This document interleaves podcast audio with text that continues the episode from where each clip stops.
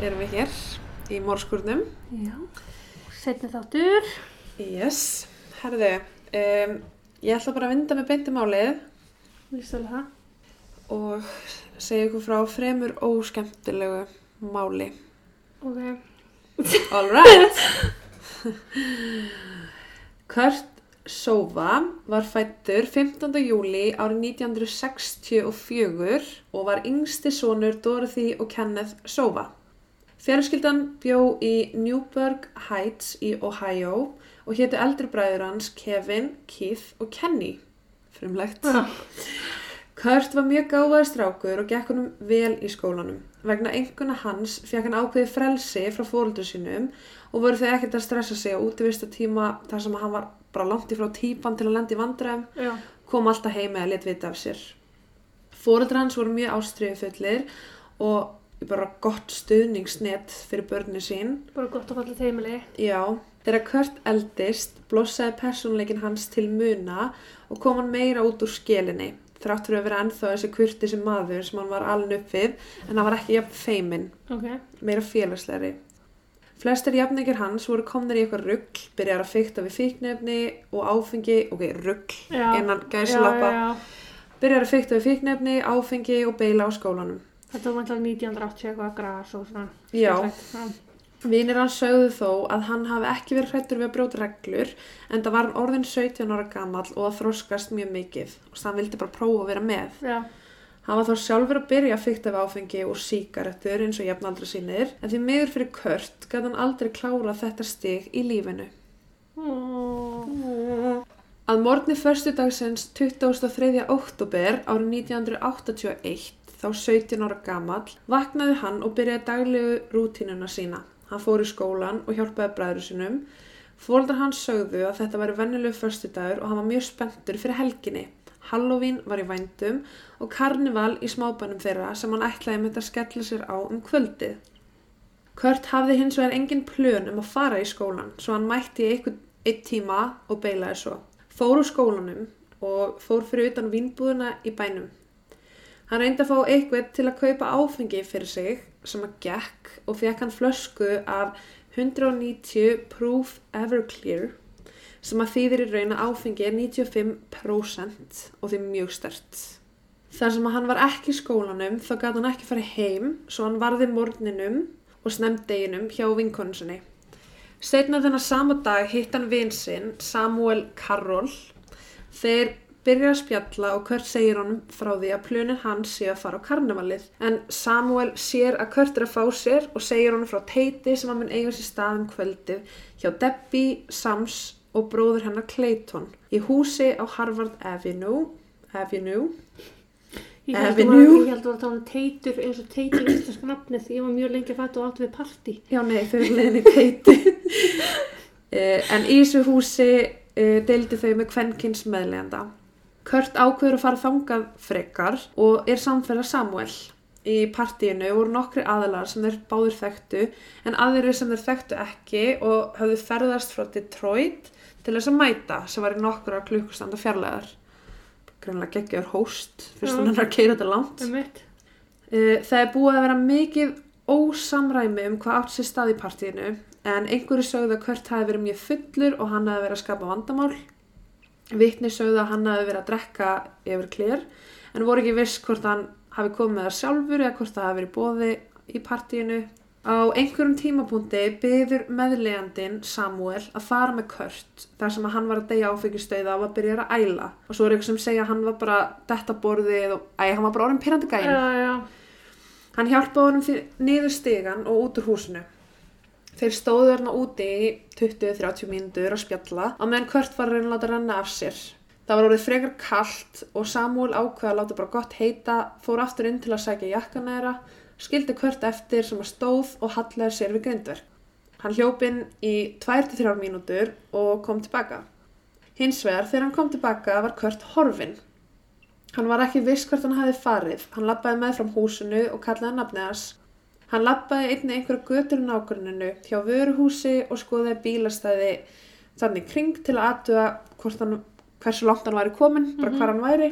En gat þó ekki hafa verið langt þar sem hann var mölvaður og þetta var aðeins nokkra mínútur. Hann gerði því bara ráð fyrir því að einhver hefði sótt hann eða hann hafi hitt eitthvað og fengið far því þetta gerði svo hratt og hann hætti, tveim, þreim mínúndum. já, Já. veist, hann er búin að leita hann í kring, hann er ekki þarna, þú veist, þegar þú ert svona fullur, þú hleypur ekkert heim, sko. E, þannig að hann hætti bara að spá í þessu og held áfram að djama. Á svipum tíma var Dorothy, mammans, að keira um bæinn að leita af Kurt. Klukka var orðin margt og það var ólít honum að vera ekki komin heim nýja að vera ekki búin að láta, láta vita af sér. Þannig að það var bara úr karakter fyrir hann. Já, hann gerði þetta aldrei, veist, hann let alltaf vita af sér. Hvorki Dorothy né Ken höfðu séð hann síðan klukkan 7.30 um morgunin þegar þau gerði ráð fyrir því að hann væri að fara í skólan og vissi í raun ekkert að hann hafi ekki mætt. Eftir að hafa keirt í einhver tíma ákvað hún að fara heim og bara gerði ráð fyrir að hann myndi skila sér endanum, eins og hann gerði alltaf. Fjölskyldan vaknaði um morgunin og ekkert bólað á Kurt. Þá byrjuðu þau að hafa miklar áhyggjur. Þetta var ekki líkt honum og í raun var hann bara mestu úti til 10-11 á kvöldin og þá vissu þau alltaf hvað hann var. Þau hringdu í nokkra vini og töluðu við nágrana og suma vinans Kurt líka, Sest, töluðu við vini sína. Já. Hóa var hóp saman sem fór út og leita af honum en engin merki var að finna. Þau voru um 40 manns að leita og leituðu í sorptunum, skúmaskotum og eiginlega bara hvar sem ekki var fólk Já. að finna. Já, já. Laugardarinn kom, sem stæðin eftir, Mhm. og Kurt var núna týndur í meirum 24 tíma. Fóreldra hans byrja að ringi vina hans og fá upplýsingar frá þeim hver hefði hitt hann um kvöldið og hvort einhver vissi hvar hann væri að finna. Það var enginn sem að sagðist hafa séðan á förstaskvöldinu eða sem var tilbúin til þess að viðkynna að hann hefði séðan. Mm. Sunnudarinn kom og fjölskyldan hringir lögregluna til að tilkynna hvarfið á Kurt. Sýni þeirra prentu einn út svona flyer Mm sem þeir fóru með í alla glugga sem þeir gátu fundið í fyrirtækjum í bænum. Fóreldrum hans fannst lögreglan ekki taka þessu nú alvarlega og ákveðu því að taka máli í sínar hendur en það vildi þau ekkert annað en að fá són sinn heim. Hver dagur sem leið færði meiri óttæli í fjölskyldunar.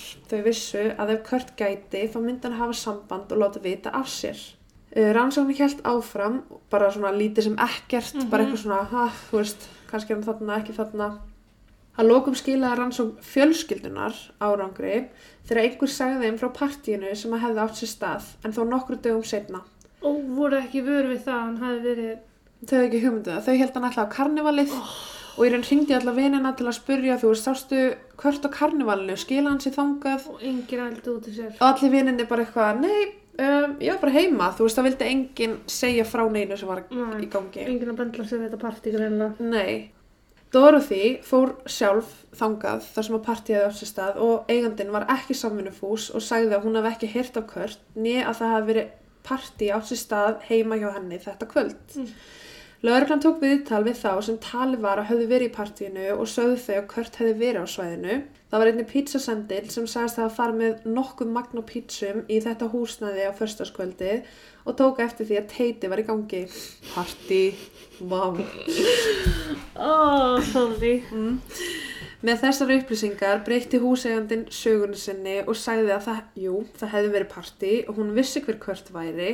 Hann hafi verið í partíinu en hún vissi ekki hvað hefði gerst nýja hvert hann hefði farið eftir það. Nú, Eigandinn ásamt öllum sem mættu í partíið sögðu að ekkert óvanlegt hafa átt sér stað um kvöldið og ekki neinn atvik sem voru eftirminn, eftirminnaleg sem getur mögulega tengst hvarfinu hans nema bara að hann hafi verið að drekka 95% áfengi og hafi verið mjög ölvaður. 95% áfengi. Til samanburðar er spritt 140 proof eða um 70% Já, og hann var að drekka 190 proof sem er 95%. Þú veist, þetta er bara að það spýri, var sko. Fjölskyldan hans fór nokkra ferðir þangað sem partíið var haldið til að leita síni sínum og endanum fenguð þau í hendunar jakkan sem hann átti og hafði verið skilin eftir. Eftir enn fleiri heimsóknir ákvað húsegandinn að leggja fram kvartanir gagvar sóafjölskyldinni fyrir bara trespassing Já, sem endaði svo að yfirlörglu þjóðnin bað fjölskylduna vinsalegast um að hætta mæta þangað og láta eigandan í friði. Drastl. já. Mánudaginn 27. oktober kom kona að nafni Judy Oros fram og var með mjög furðulega fréttir. Hún vann í tónbúð, skilur það? Ba bara gistadiska búða, já, whatever. já. Bara hún vann í music store. Ok. Og í glugganum var einn af þessum flægir sem að bróður hans hefði sett upp. Það var heimilislaus maður sem var að hanga þarna í nokkru dag frá Detroit. Hann tók flægirinn úr glugganum, lappaði inn og hendi miðanum á borðið ásamt til að segja við konuna að það sé engin tilgangur hafið í glugganum, hann mun finnast eftir tvo daga og það mun enginn vita hvað gerist fyrir hann. Sæði heimilislösa maðurinn. Já. Hann hafði einnig komið inn áður og byrjaði að babla um að hann væri með aðganga líkum frá Cleveland Hopkins International flugvellinum og hann hefði einhverju skiptum farið og stóli skóm frá þessum líkum. Fólk sem að kom nálægt manninum fannst hann vera frekar óhugnalegur og klikkaður og reyndu bara að halda sér sem mest frá honum. Þetta er bara einhver heimilsljus maður sem býr þarna mögulega fullur og er bara eitthvað Já, bara eitthvað svona já. Judy hringdi lögregluna og leta hann að vita þessu. Þeir tóku skýrslu og sögðust til að fara í málið og finna hennar mann og hún ætti að láta vita ef hann kemi aftur. Þar sem hann var bara farin. Mm En svolítið óvinnilegt að segja, þú veist þetta, en á sama tíma og veist ekkert í hvernig ástandi maðurinn er Já. og koma þarna og vera bara eitthvað, hann mun finnast, Já. þú veist, en þetta með uh, að hann sé að stela skóm af einhverju líkum. Af hverju líka á svona flugvelli? Þú veist, Þetta er sérst bara lík sem er flutt. Af hverju hefur hann aðgangaðum? Ef, ekki hugmynd, sko. Og ég ringi hann. Já, nennir þig. Ken og Dorothy fengu þær upplýsingar að Kurt geti ennþá verið í húsinu en eigandinn sagði einhverjum frá því, sko einhverjum ekki þeim, Mm. að strákur sem passaði við lýsingun á Kurt hefði verið að sofa í kott, barnarúmi, Já. sagði minniskilgengu, í kjallarunum í nokkra daga. Það er einhver í kjallarunum og þú ert bara eitthvað Blessaði verður. um mitt. Láttu vera vel þig. Ken fór með sínum, sonum sínum þangað en enginn var heima. Þeir brutust inn um hurðina og fóru í kjallara. Þeir fundu þetta kott sem tala var um og Já. tóku eftir því að augljóslega hefði einhver verið í því en það voru engin merkjum Kurt. Ken sagði frá því að hann hafi farið í kjallara. Hann held kannski að Kurt væri veikur eða meittur eða væri bara undir frelsisviftingu og held að hann myndi finna hann og taka hann heim. En það er þó engin sönnun á því hvort þetta hafi verið Kurt eða einhver annar eða bara hver var þetta Já, og það kom aldrei í ljós. Og af hverju fekk hann að vera þar? Já, eða, það er mjög svona Já. út. Örvendingafull og pyrruð halda þau áfram að leita og fá litla sem enga hjálp frá lauruglunni. Vinur hans sem var með honum í partíinu, Samuel, kom og talaði við fjölskylduna. Það er ekki ljóst af hverju hann var svona lengi að koma og tala við hana en sumi segja að hann hafi verið hrættur um að lendi vandræðum. Náttúrulega bara að Já, voru að drekka hann að stert, það var partí, þú veist, eitthvað svo leis. En aðrir halda því fram að hann viti meira um Kurt heldur hann segist gera. Mm, ok. Hann segir þeim í raun bara frá því hvernig kvöldið hafi þróast og hann hafi skilað hann eftir hann fyrir utan og hann horfið. 27. oktober var liðin og Ken fór úr svæðið og leitaði í kring. Meðal annars hjá vöruhúsi sem var hann rétt hjá og svona gil, Mm. það er ekki gil. Þetta er raun bara opið svæði og þú veist það er eitthvað svona tré og það er eitthvað draslana og það er vatnana og steipa og eitthvað. Já. Hann leitaði sérst í vöruhúsinu og gilinu sem var hann á bakvið sem að stóð tómt en hann fann ekki neitt. Það var bara ekkert í kringum þetta húsnæði. Mm. Daginn eftir, 28. oktober, er þrý strákar út að leika sér þannig gilinu á bakvið vöruhúsið. Þeir fari gegnum svona stálgarð og inn á yfirgefi svæði sem að Ken hefði verið að leita kvöldin áður. Á þessum degi finna strákarnir lík sem að lá á bakinu ofan í podli. Hrættir voru þeir, vita í rauninni ekki hvað þeir eru að gera og hlaupa þar með starfsmanni í nágrunnu og sögðu honum hvað þeir hafi séð. Hann kemur hlaupandi og sér það sama og hringir laurugluna sem mætt á svæðið og sá strax að um Kurt Sova væri að ræða. Þetta er 28. oktober og hann hvar 23. oktober. Já, ok, fimmti, Þannig já. að já, fimmtum síðar þá finnst hann. Þó ekki nema það. Mhm. Já. Kurt lá, eins og ég sagði hann á bakinu, uh, hann var í gulum stutturum og ból, jakkalaus, en það var jakkin hann þá heima þeim. Hendur hann stóðu beint út og eitt fótur var undir hinum. Sko, ég raun besta lýsingin á því hvernig hann lá er eins og Jésús á krossinum. I kid you not. Já. Þess hann lá með hendur beinar út Já. og eitt fóturinn ofan á hinum. Uh, spes. Eins og það eru uppstilt á það. Já, einnig voru sko, sk- fæturnar hans snýru báðar í sömu áttina. Já, þetta var, alltaf, þetta var voðaspes. Mm. Hann var ekki neinum skóm, en ekkert annað og... Oh my god! Hvað? Kallinn! Stela skónum og líkum. Ég veit það, þetta er ótrúlegt. En já, hann var semst ekki neinum skóm og Uh, hægri fóturinn hans, hann var sokkalaus. Ok. Þannig að vanda sokk líka. Uh, en það var ekkit annað óvinnilegt sem var sýnilegt. Lörglan leitaði kring og fann vinstri skóin hans sem var grafin undir steinarhúu í náleðinni en fann aldrei hægri skóin. Ég er sokkin. Ekkert forensik dæmi eða bara vís, sönnugögn fundust á svæðinu sem að hægt var að segja til um augljósan dauðakört. Hann var því færður til réttaminafræðings sem var hissa á ástandi líksins. Það voru minni áttar skurðir, lítið marahöku en enga vísbendingar um dánarossök, hvorki eftir hníf, byssu, nál eða hvað eina sem manni getur dottið í hug. Það var gerð efnaransókn og í ljós kom að hann var neikvæður fyrir kóku, kókaini og LSD. Einnig var áfengismagni hans 0,11% rétt yfir löglegu magni í bandarækjunum sem var 0,8%. Í raun ekkert sem sagði til um að foul play, manndróp eða neitt slíkt. Þar með voru dánaránsökinn sögðu vera náttúrulegum ástæðum og setna breytt yfir í slís eða óhapp. Ha? Mm. Þetta bara gerðist. Þú ert að fara að fokka eitthvað haustum að vera alveg að sofa. Kannski ekki. Rétt að meina fræðingurinn sagði einnig setna You can stop the machinery without damaging the machinery. Já, ok, rétt. Já. En 17 ára krakki. Mm Hann var ekki lamin, áfengi nýja eitilif átti þátt, hann druknaði ekki, honum vantaði ekki blóð, hann var ekki með fyrirlegjandi sjúkdóma, í raun var þetta bara allt mjög skrítin, dauði og óutskýranlegur. Annar rétt að minna fræðingur kom honum til varnar, þessum laurglunni bara á Já, rétt að já. minna fræðingum og sagði að á ári hverju er um 2000 krupningar sem þau gera, sem sagt á þessu svæði, Já. og einn til tveir af þeim er oft eins og þessi ekkert dánarásök eða bara on... Bara sloknaði kerfinu. fjölskyldan var í mólum með að líki hefði fyndist og þá sérstaklega komast að því að ekkert sagnamt hafa átt sér stað eða svo vildi lörgum að segja Já. þau trúðu því hins vegar ekki á neittnátt og ef svo var af hverju var hann ekki búin að koma fyrr í leitirnar Já. hvar var hann frá í þessa heilu viku sem leið þar til hann fannst Ken sagði einnig frá því og tók þar sérstaklega fram að hann leitaði á þessu nákvæmlega sama svæði kvöldinu áður og hafði ekki séð kört sem að var í skergulum ból. Mm. Hann er klálega tekið eftir ef hann hefði verið hann á svæðinu. Já. Og hann er, hann kallaði líka nafnið hans, þú veist, hann er að labba hann í kring Já, og bara, hann segir bara að kört hefði svara á honum ef hann hefði verið hann. nákvæmlega. Uh, Réttamennafræðingar vilja meina að Kurt hafi verið á lífi kvöldin áður og hann hafi látust akkurat þarna á þessum stað. Bara hann hafi verið okkur ráði. Já, þannig að í raun vilja þeir segja hann hafi bara dáið þennan dag. Já, eða þú veist, já. Ken heimtaði að fá svo líkið og samkvæmt honum særði það mjög mikið þegar hann tók eftir því að það var ennþá drulla á andlitinu hans og þeir höfðu ekki eins og þvegið það í burtu. Lögreglan samþýtti dánarásök og lokuði málinu og sagði að blaðmannafundi að ekkert sagnand hafi átt sér stað. Það endaði með ákveðinu uppreist millir sóafjölskyldunar og lögreglunar þ- þar sem þau vildi bara ekki trúa því enn og aftur að um óhapp verið að ræða.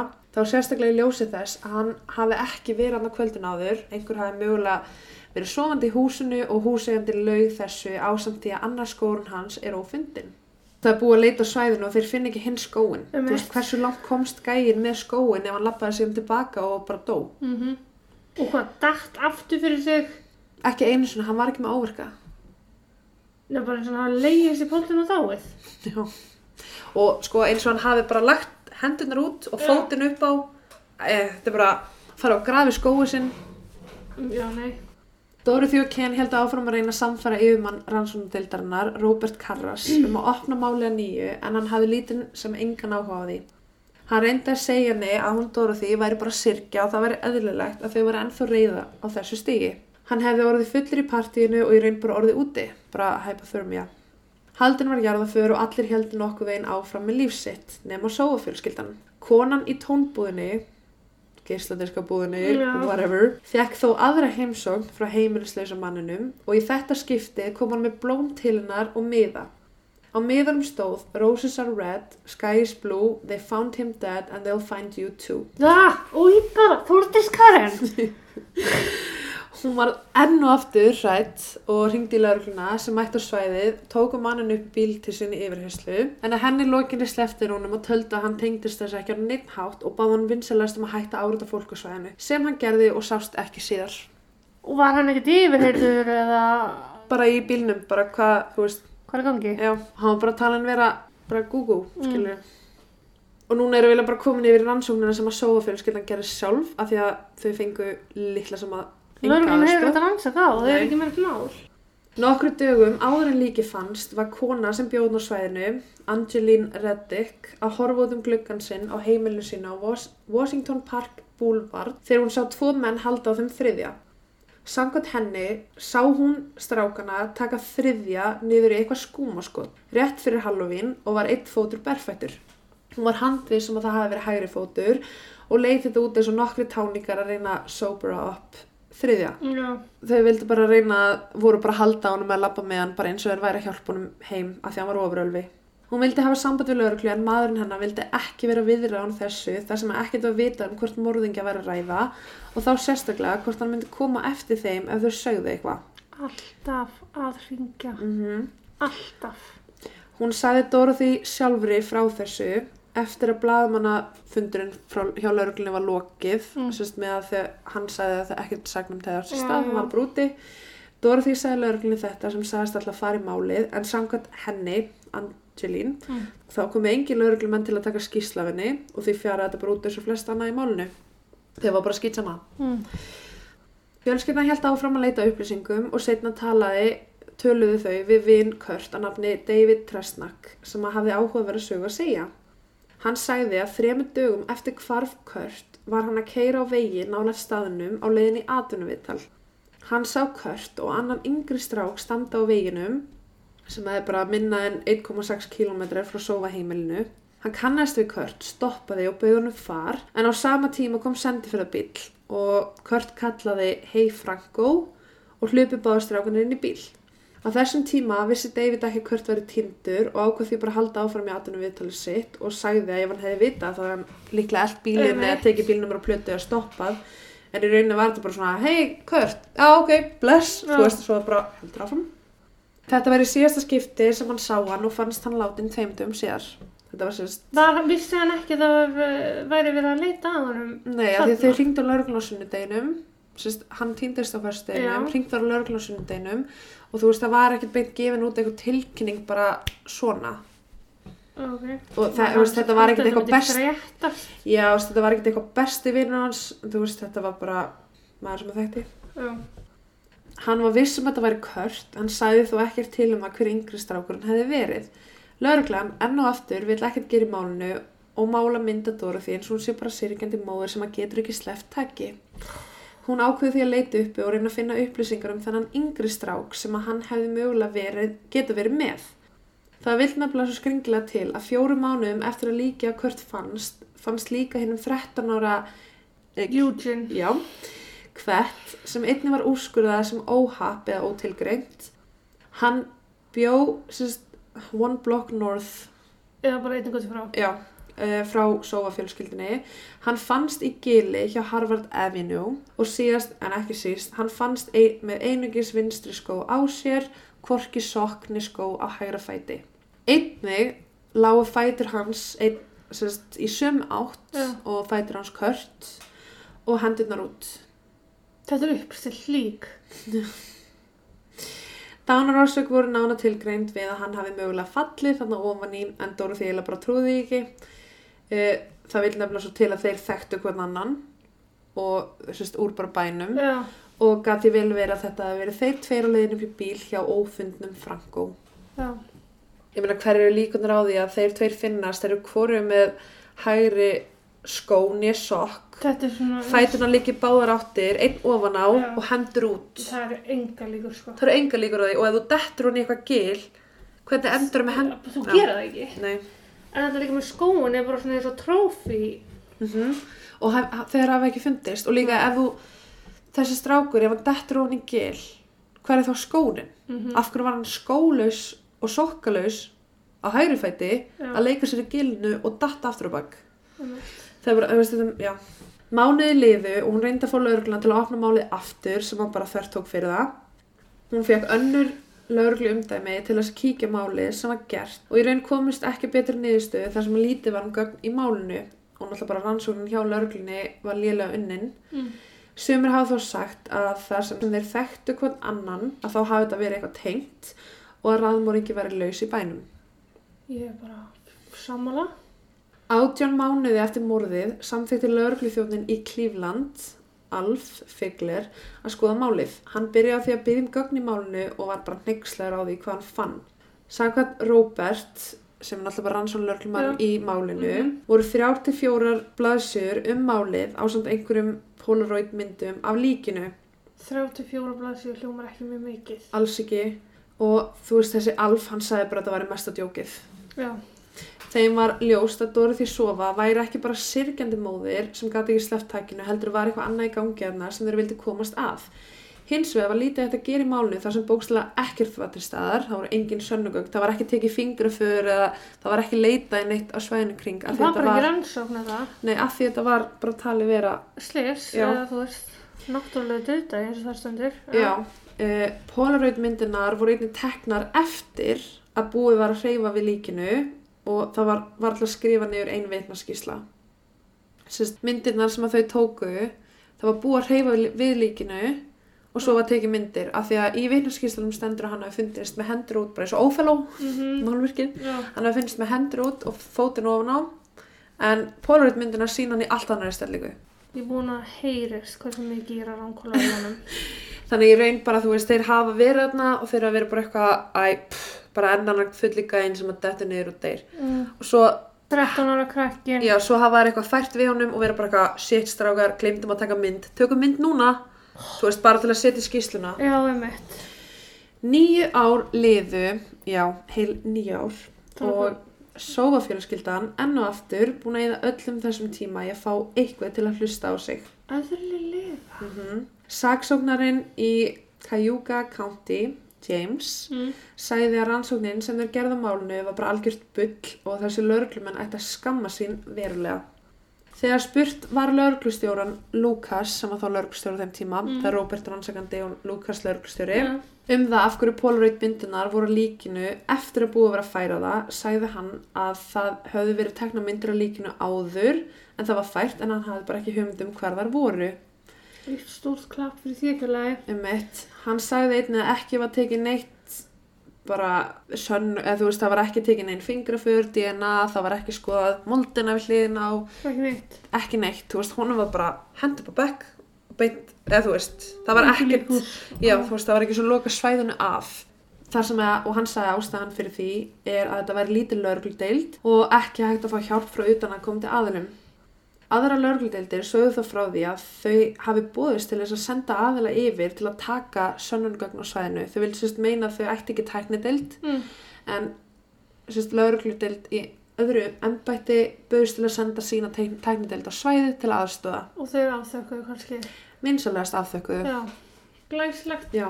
Einnig var ekki sótt um húsleit í húsinu sem hann sást síðast í. Það var engin samvinna við húseigendur og bara allt í ruglinu. Þetta leiti til dýpri rannsóknar á lauruglunni sjálfri. Lukas var reikin úr lauruglunni. Í ljós kom að hann hafi verið að falsa lauruglu skirtinni og gefa fólki sem vann hjá neyðalínunu þau. Af hverju, veit ekki.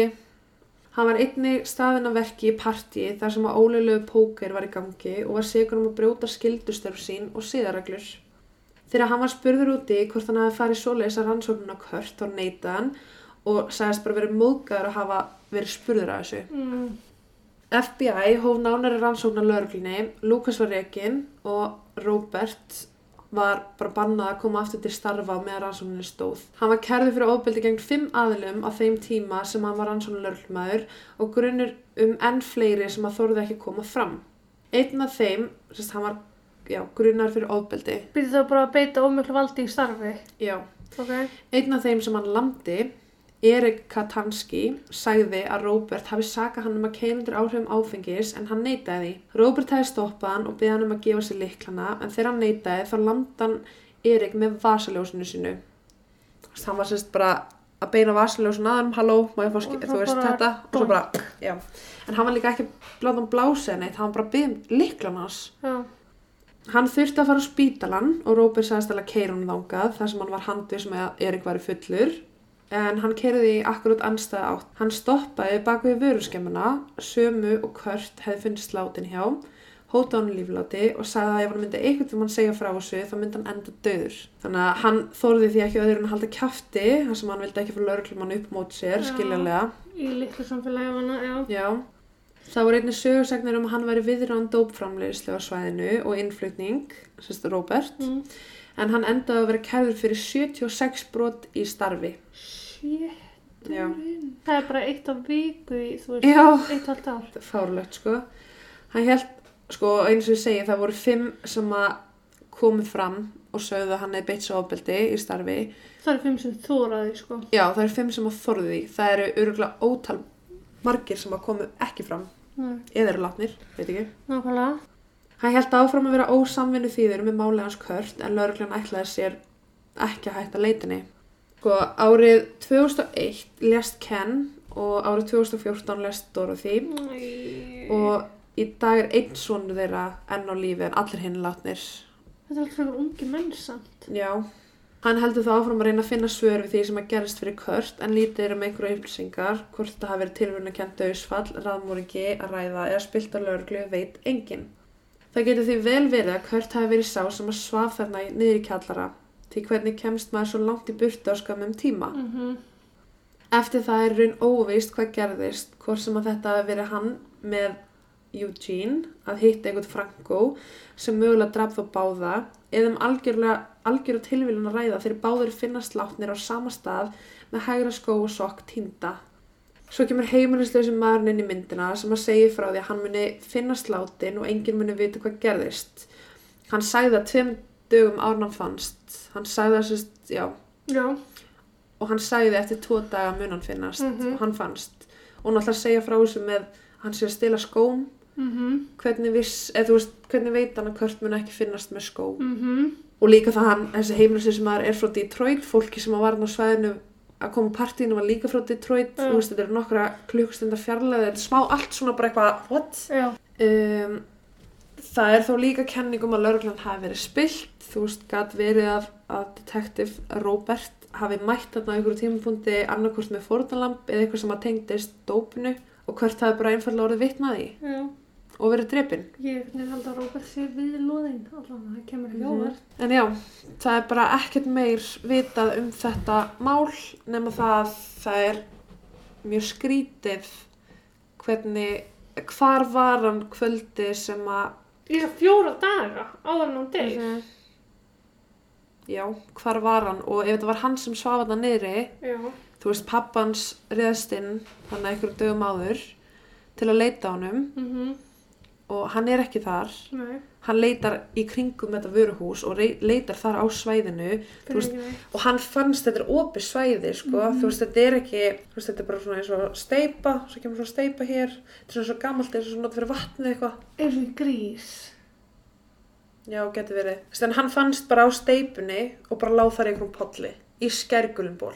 En já, bara, mér finnst mjög skrítið að tveir aðilar finna slátnir á sama stað. Það vantar bæði skó og sokk hægra megin á báða. Já. Þeir þekktust, þeir mögulega sáu saman, það upp í sendifyrðabíl og þeir eru báðir sagt vera bara slis. Já. En það er líka sko aðdæmandi að því að hvert finnist heimilislöfu maðurinn Mm -hmm. sem að hvaðan kom hann? hefði átt að skoða meira og betur. Já.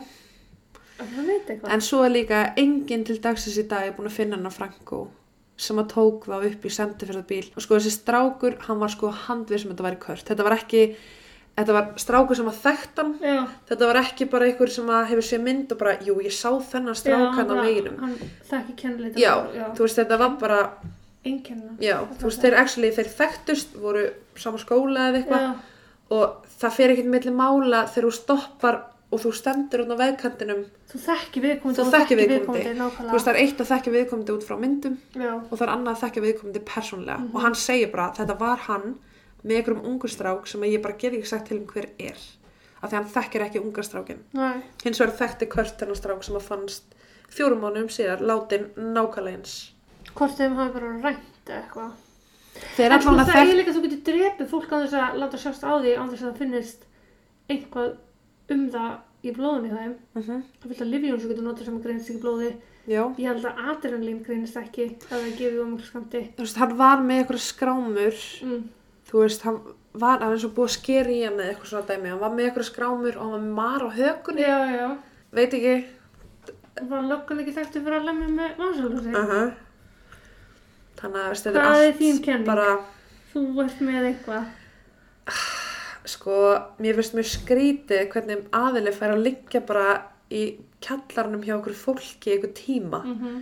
þú veist, ef ég held partí fyrir fullt af fólki, þá er ég bara eitthvað, herðu, allir út, já, Núna. og líka bara þetta að þú, þú þorri ekki viðkynna þessi partíumöður, þú þver tekur fyrir það, fyrir hann Mhm. pítsasendil, er bara hvað, herðu, ég var þarna, Já. Vinir hans og fólk sem var þarna, það var allir bara eitthvað, nei, ég hef ekki séð hann, veit ekki hver hann var, en ég meina, þú veist, ef þú ert það góða vinur hans, ferði ekki beint í fjölskylduna og bara, herðu, halló, Þetta er staðan, hann var hjá mér, sorry. veist- ég, eins og ég segi, ég held að það hefði eitthvað gerst í þessu partíi, Ok. mögulega var hann kannski bara fullur, þú veist, brautglös eða reynda að ráðast á einhvern eða eitthvað og hafa bara einfallega verið kildur og dáið. Og þar lendi hafði þau sett hann niður í kjallara Já. í þetta rúm að einhver svæfi þar og svo náttúrulega kemur kenarna þá er þau kannski bara farin með hann er að færa hann einhver, þú veist, ég veit ekki hvað. Það er aðdraðandinn að því hann hverfi sér ekki réttur og hann hafi ekki farið hann út og horfið tvö myndir setna.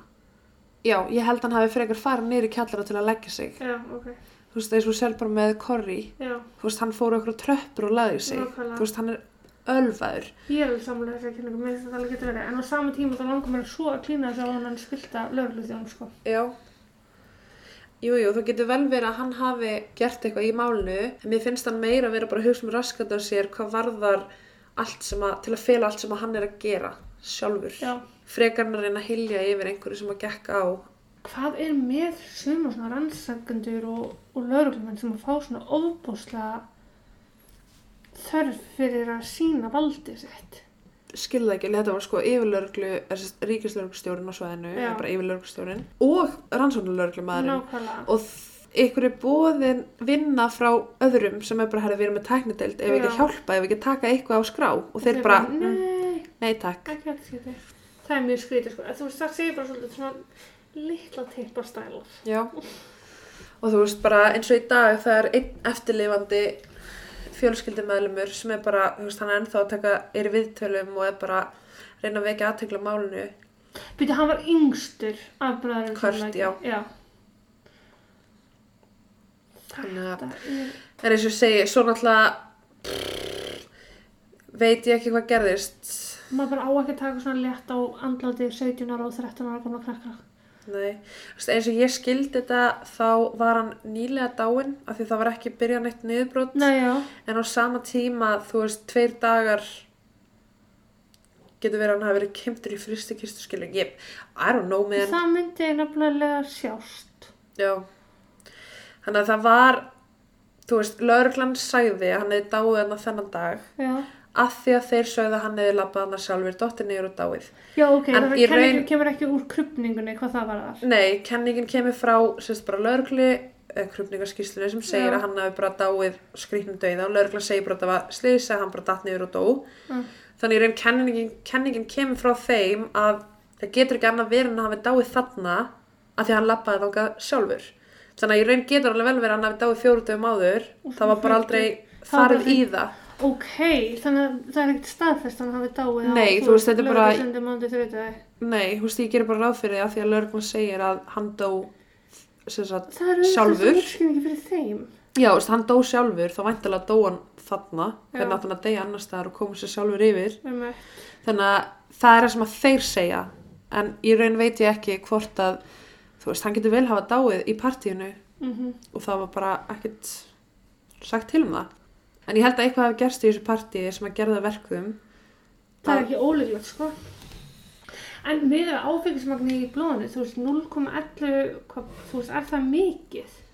Það er sagt að sé aðeins yfir löglegum mörkum sem er 0,8% en á sama tíma ég var eitthvað að finna út úr þessu mér langaði svo að vita þú veist hvað það væri mikið 0,08 er löglega 0,08 prómil Ok, til samanbyrðar er 0,4 eða sem sagt 0,40 það getur valdið dauða. Hann var með 0,11. Sko þetta stendur After a man has a three standard drinks the equation changes even further. At 100 pounds a man will have a BAC of 0.11. Já. Og hann var náttúrulega að drekka þetta 95% áfengi. Ég hefði haldið þá nefnilega að að vera miklu herra. Já, ekki ef hann dói setna. Þá var náttúrulega búið að renna á honum. Ok, 0,15 það er mjög hátt. Já. You will have much less control over your balance and voluntary muscles. So walking and talking are difficult. You may Mhm. fall and hurt yourself. Vomiting may begin. Mm Ok, þannig að hann var alveg verulega drukk, eða þú veist. Já, og þá, þá er það 0,15. Hann var 0,11 sem er bara svona akkurat á milli, þú veist. Og ég meina eins og vinur hann sagði, hann var ofur ölfi, hann lág hann upp fyrir grindverki að býja eftir jakkanum. Þetta voru 2-3 mínútur sem hann sagðist að fara aftur inn í húsi til að ná í jakkan, sagt Já. bæði við alla, komið út og það var hann horfin og hann er bara hvað, ég labbaði út um allt, ég leitaði og bara hann var ekki hérna. Maður sem er svona ölfaður kemst ekki svona langt í burtu og, veist, og ef ég er að labba eitthvað staðar og þú myndir öskra Þórdís þá væri ég bara eitthvað, eh, það skilur þú mig. Það er ekkert máli, maður er ekkert eitthvað, ég ætla að hlaupa, þú veist. Nei, er þú bara- veist, ekki nefn hann hafa bara farið neyri kjallara og áfengistáið, skilur við. Og þú veist, og þetta fólk að segja, já svaf einhver í kjallarinu mínum eitthvað daga, hann var líkur kört, þú veist, hann var með rautt hár, hann, hann var líkur honum.